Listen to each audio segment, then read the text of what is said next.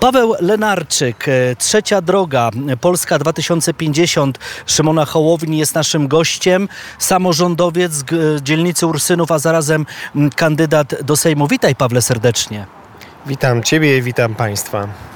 E, wiemy, że Ursynów oczywiście nie istniał wtedy, kiedy w 1944 roku padało powstanie, ale tu e, były wsie, były e, takie tereny płaskie, a później zaczynał się las kabacki, dziś rezerwat imienia Stefana Starzyńskiego i wiemy, że powstańcy, którzy po prostu zostali z tej strony Warszawy zepchnięci, wycofywali się między innymi do lasu kabackiego i tutaj trwały dalej walki. Oczywiście powstanie zakończyło się oficjalnie 2 października, tak jak powiedziałem, 40 1944 roku podpisaniem w Ożarowie kapitulacji, ale też wiemy, że to miejsce ma swoją historię.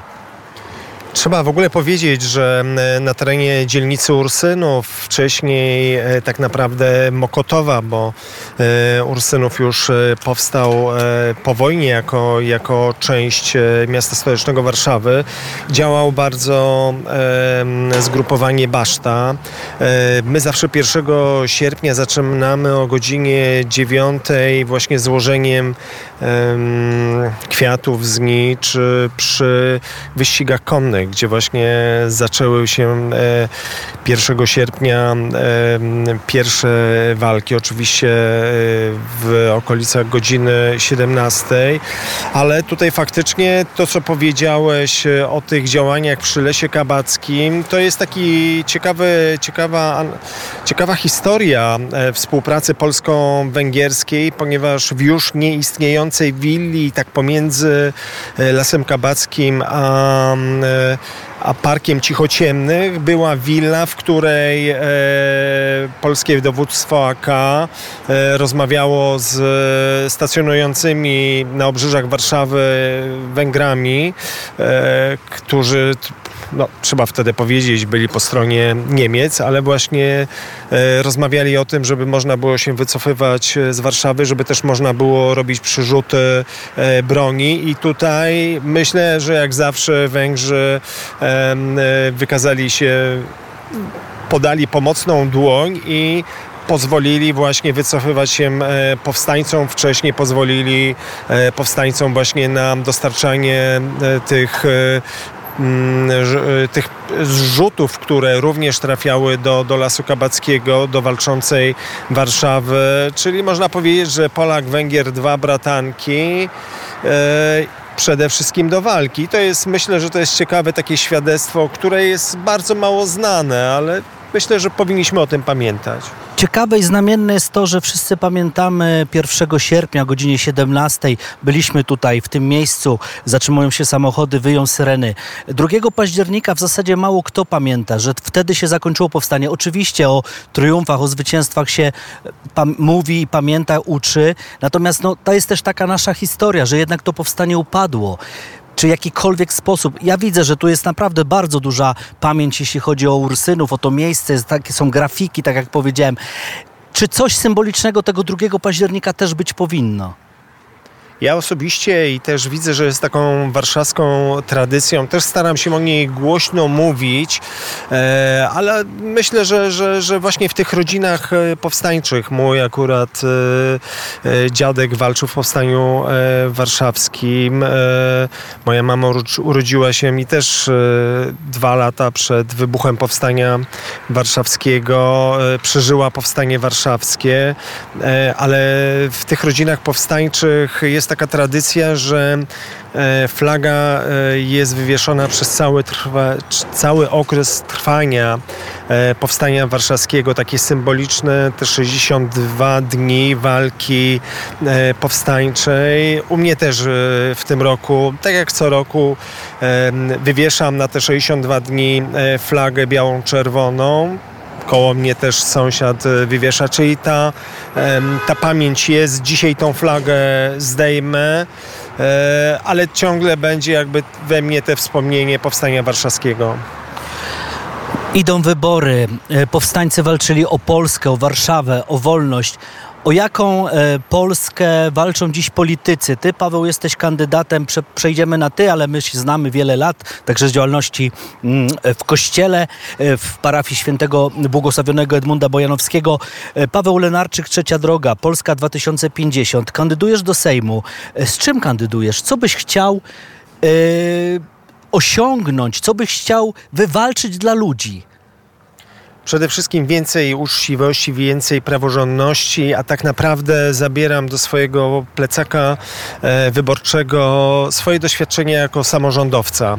Czyli te 13 lat jako radny dzielnicy e, Ursynów, e, to wszystko, czego się nauczyłem, co, co było też moimi przemyśleniami, ale też, co trzeba powiedzieć, takim nie dokończyłem z racji tego, że jako właśnie radny nie miałem wystarczających kompetencji, zabieram to, że żeby to rozwiązać. Pierwszy konkret, kwestia uregulowania gruntów e, spółdzielni mieszkaniowych.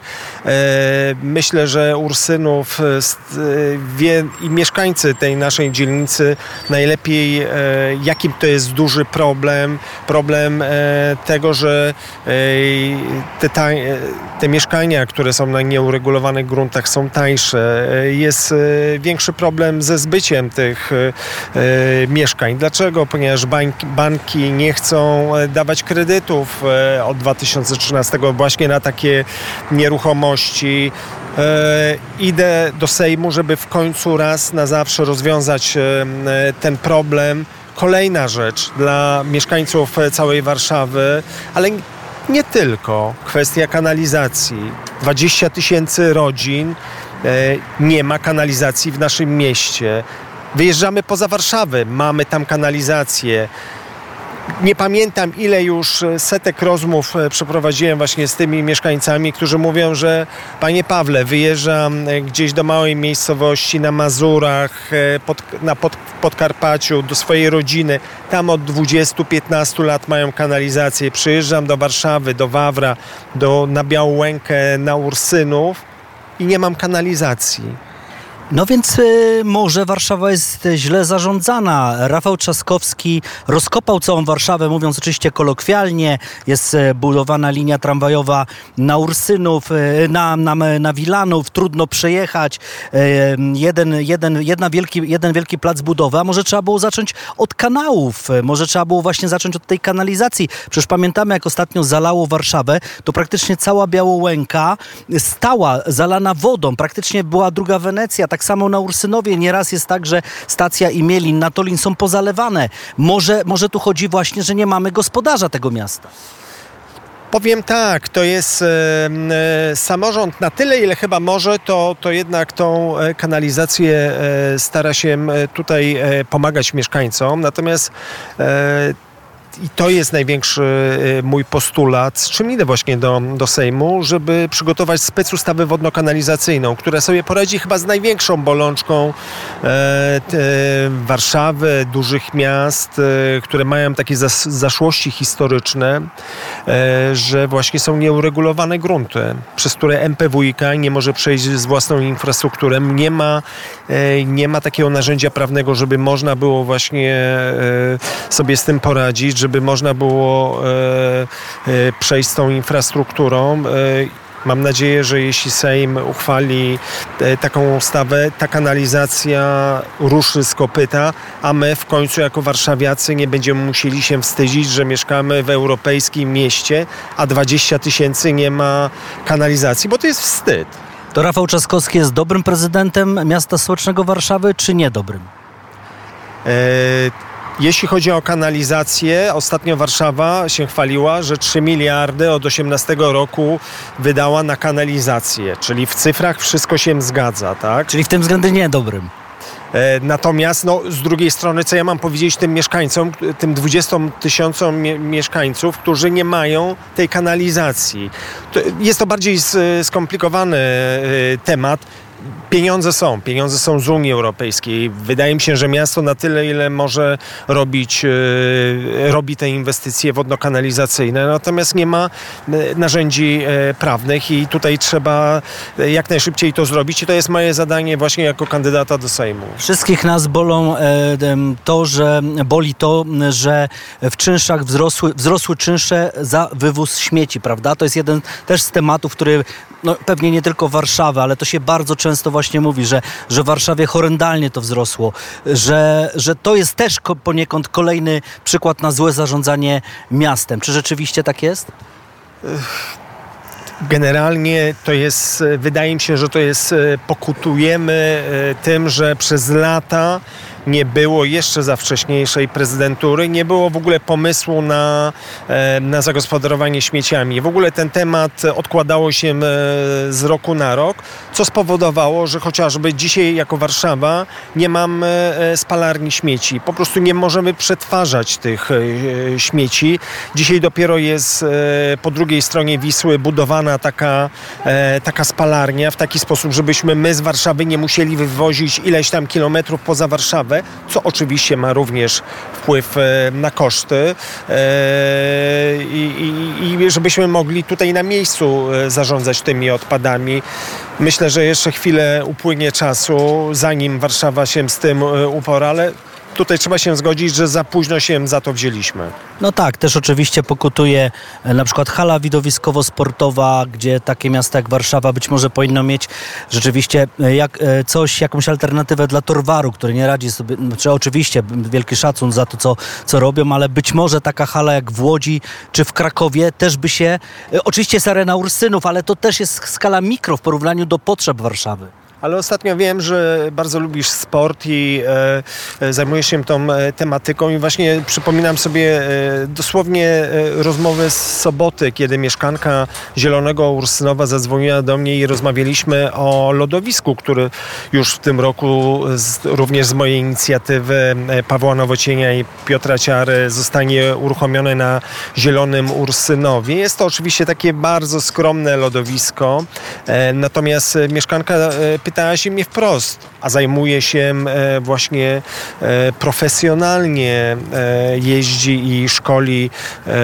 polskich łyżwiarzy i pyta się, panie Pawle, dlaczego nie ma, nie ma torwaru czy skry na takim poziomie, żeby można było, żeby można było przygotowywać profesjonalnie te kadry, bo torwar jest dzisiaj zamknięty, skra wiadomo, je, nie tyle skra, ile stegnę, przepraszam najmocniej stegny są, ale de facto y, tylko w okresie zimowym.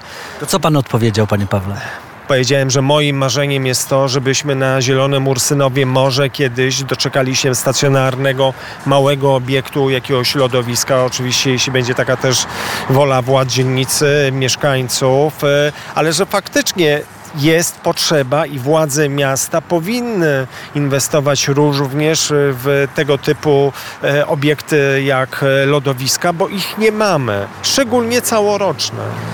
A czy pan Paweł Lenarczyk był wczoraj na marszu? Paweł Lenarczyk wczoraj e, zajmował się, e, niestety porwała mnie żona i musiałem wy, wyjechać e, z Warszawy. Tak? Albo Byłem, stety, bo może to trochę był stracony czas. E, nie, nie uważam, że to jest stracony czas. Jest to, był to czas, kiedy bardzo dużo osób e, chciało zamanifestować e, to, że nie godzi się z obecną polityką rządu i wydaje mi się, że, że to jest jak najbardziej prawdopodobne potrzebne są e, takie manifestacje. Żyjemy w wolnym e, kraju. Jeśli tylko mógłbym być, to pewnie byłbym na, na tym e, marszu. Natomiast byłem sercem z tymi ludźmi i dobrze, że żyjemy w demokratycznym kraju, że ciągle nadal możemy manifestować swoje poglądy wszystko się rozstrzygnie 15 października. Tak, właśnie, bo to jest, bo to jest e, oczywiście są konwencje, są wiece, marsze, spotkania, ale i tak, i tak wyborcy pójdą do urn, oby poszli jak, jak w jak największym procencie, oczywiście jak największa, najwyższa frekwencja. E, więc dlaczego są tacy, którzy nie za bardzo jest im po drodze z koalicją, nie za bardzo jest im po drodze z Prawem i Sprawiedliwością, to dlaczego na przykład mają wybrać trzecią drogę, a nie Lewicę czy Konfederację?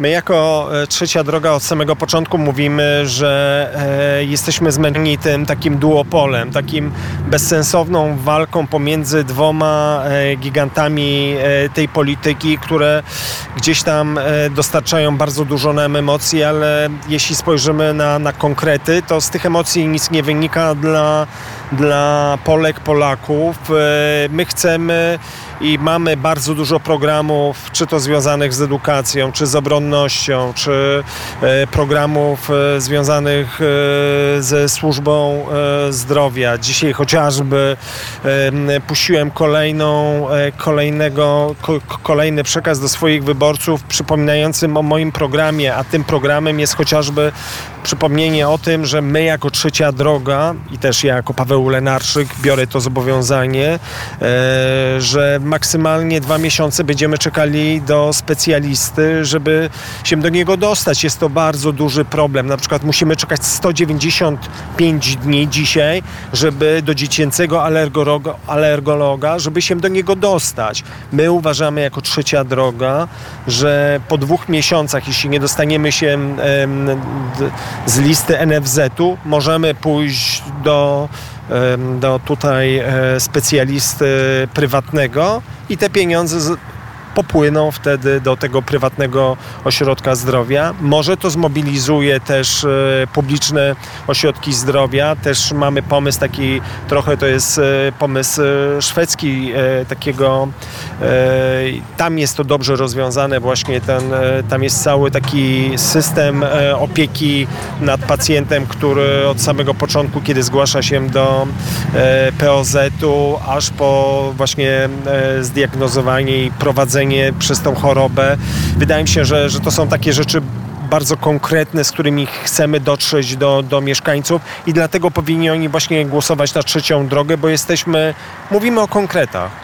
I na końcu chciałem spytać o miejsca do wywieszania e, plakatów wyborczych, bo kiedyś rzeczywiście był chaos. Chyba teraz te wybory troszeczkę, e, być może rzeczywiście, pan Paweł mnie poprawi, jeśli się mylę, e, są sformalizowane miejsca i wyznaczone miejsca. Chociaż na przykład przedwczoraj byłem rowerem w Konstancinie Jeziornej i pierwsze dwa ronda, gdzie się wjeżdża od strony Warszawy, jechałem w stronę Tężni, Mm, obklejone są po prostu do imentu banerami reklamowymi. Nawet mi trudno powiedzieć, która strona tam przeważa. Chyba koalicja, ale tego jest bardzo dużo rzeczywiście. Ursynów jest taki, rzeczywiście ma pewne postawione mm, tablice, gdzie można po, naklejać poszczególni oczywiście kandydaci, czy też ich sztaby wyborcze mogą naklejać swoje y, plakaty. Tutaj tak wpatrzę na wprost, patrzy na mnie pewna pani z PSL-u, obok patrzy na mnie pani z Lewicy. Nie będę oczywiście kryptoreklamy robił, ale na przykład jadąc w stronę bazarku na Ursynowie, bardzo popularnego, dwa wielkie banery, jest ich tam więcej, ale dwa na przykład rzuciły mi się bardzo w oczy. E, e, profesor Gliński, czyli oczywiście Prawo i Sprawiedliwość. Jadę dalej i kogo widzę, kto na mnie patrzy? Dariusz Dziekanowski. Dariusz Dziekanowski, który kandyduje, jest kandydatem e, do Sejmu z ramienia Koalicji Obywatelskiej. No i gdyby nie ten baner, to bym nie wiedział, że idol mojej młodości, Dariusz Dziekanowski, startuje do, do Sejmu. Nawet um, omieszkałem zaprosić pana Dariusza. Jeśli będzie miał możliwość i czas, to oczywiście chętnie z nim porozmawiam na antenie. Właśnie e, e, jak to jest z tymi miejscami i z tym, że na przykład Urs synów wcale nie tonie w tych banerach reklamowych. Myślę, że e, patrzymy na tą kampanię w taki sposób, że chyba jest jakieś e, mniej tej, tej takiej właśnie zewnętrznej e, komunikacji wizualnej, gdzie jest to bardziej uporządkowane. Faktycznie Ursynów zadbał o to, żeby można było wywieszać swoje plakaty na specjalnych takich tablicach, właśnie przy jednej z takich tablic przy Urzędzie Dzielnicy, ale też są również te tablice przy, przy szkołach. E, są wyznaczone właśnie miejsca, gdzie można umieszczać swoje plakaty. Ja na przykład e, swoje plakaty umieszczam, na przykład e, chodzę do, do sklepów, paru sklepach e, moja podobizna e, wisi też e, z paroma sąsiadami z Ursynowa. Poprosiłem ich o wywieszenie swojego baneru na, czy to na no, w większości na, na jakimś płocie czy na balkonie wyrazili swoją zgodę. Myślę, że te dwa tygodnie to jest właśnie takie możliwość dotarcia, że poszczególne osoby, czy Paweł Lenarczyk, czy chociażby Dziekanowski właśnie kandydują do, do Sejmu, tak żeby to jest element e, info, e, polityki informacyjnej, tak żeby nasi mieszkańcy się o tym dowiedzieli. Ale właśnie jakie, jaki jest budżet, jakie są koszty, bo tak się zastanawiam, jak pędziłem tym rowerem, no pan pędziłem, no pędził to Szurkowski oczywiście, e, czy, czy, czy mm, ostatnio, nie wiem, Rafał Majka, ja po prostu jechałem do tego Konstancina i tych banerów było tak dużo, że tak naprawdę powiem szczerze, że nie wiem na kogo bym tam zagłosował, patrząc tylko na banery. Po prostu czasami się to zlewa. Czy to nie są pieniądze już wrzucone w kanał? Jak najbardziej tak, bo ja staram się na przykład osobiście nie wieszać tam, gdzie jest bardzo dużo tych banerów na siłę, e, chociażby taki e, bazarek na, na dołku, tam już jest e, tyle tych e, banerów, że chyba nikt e, tego nie jest w stanie e, się zaznajomić z tą, z tą informacją. Natomiast... To ma to sens? moim zdaniem nie ma, tak?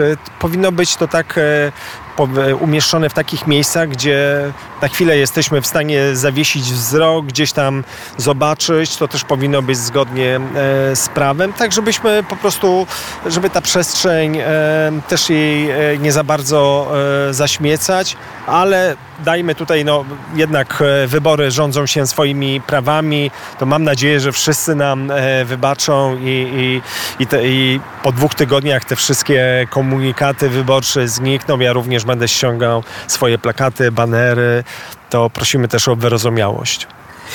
E, dziękuję bardzo za tą rozmowę, za to spotkanie. Numer 9 na liście e, trzeciej drogi.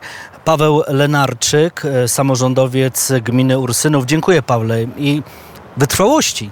Dziękuję Tobie, dziękuję Państwu i proszę przede wszystkim pójść na, na wybory, bo to jest najważniejsze, bo a na kogo Państwo będą głosowali, to już zostawmy właśnie 15 października podejmą Państwo najlepsze wybory dla Polski.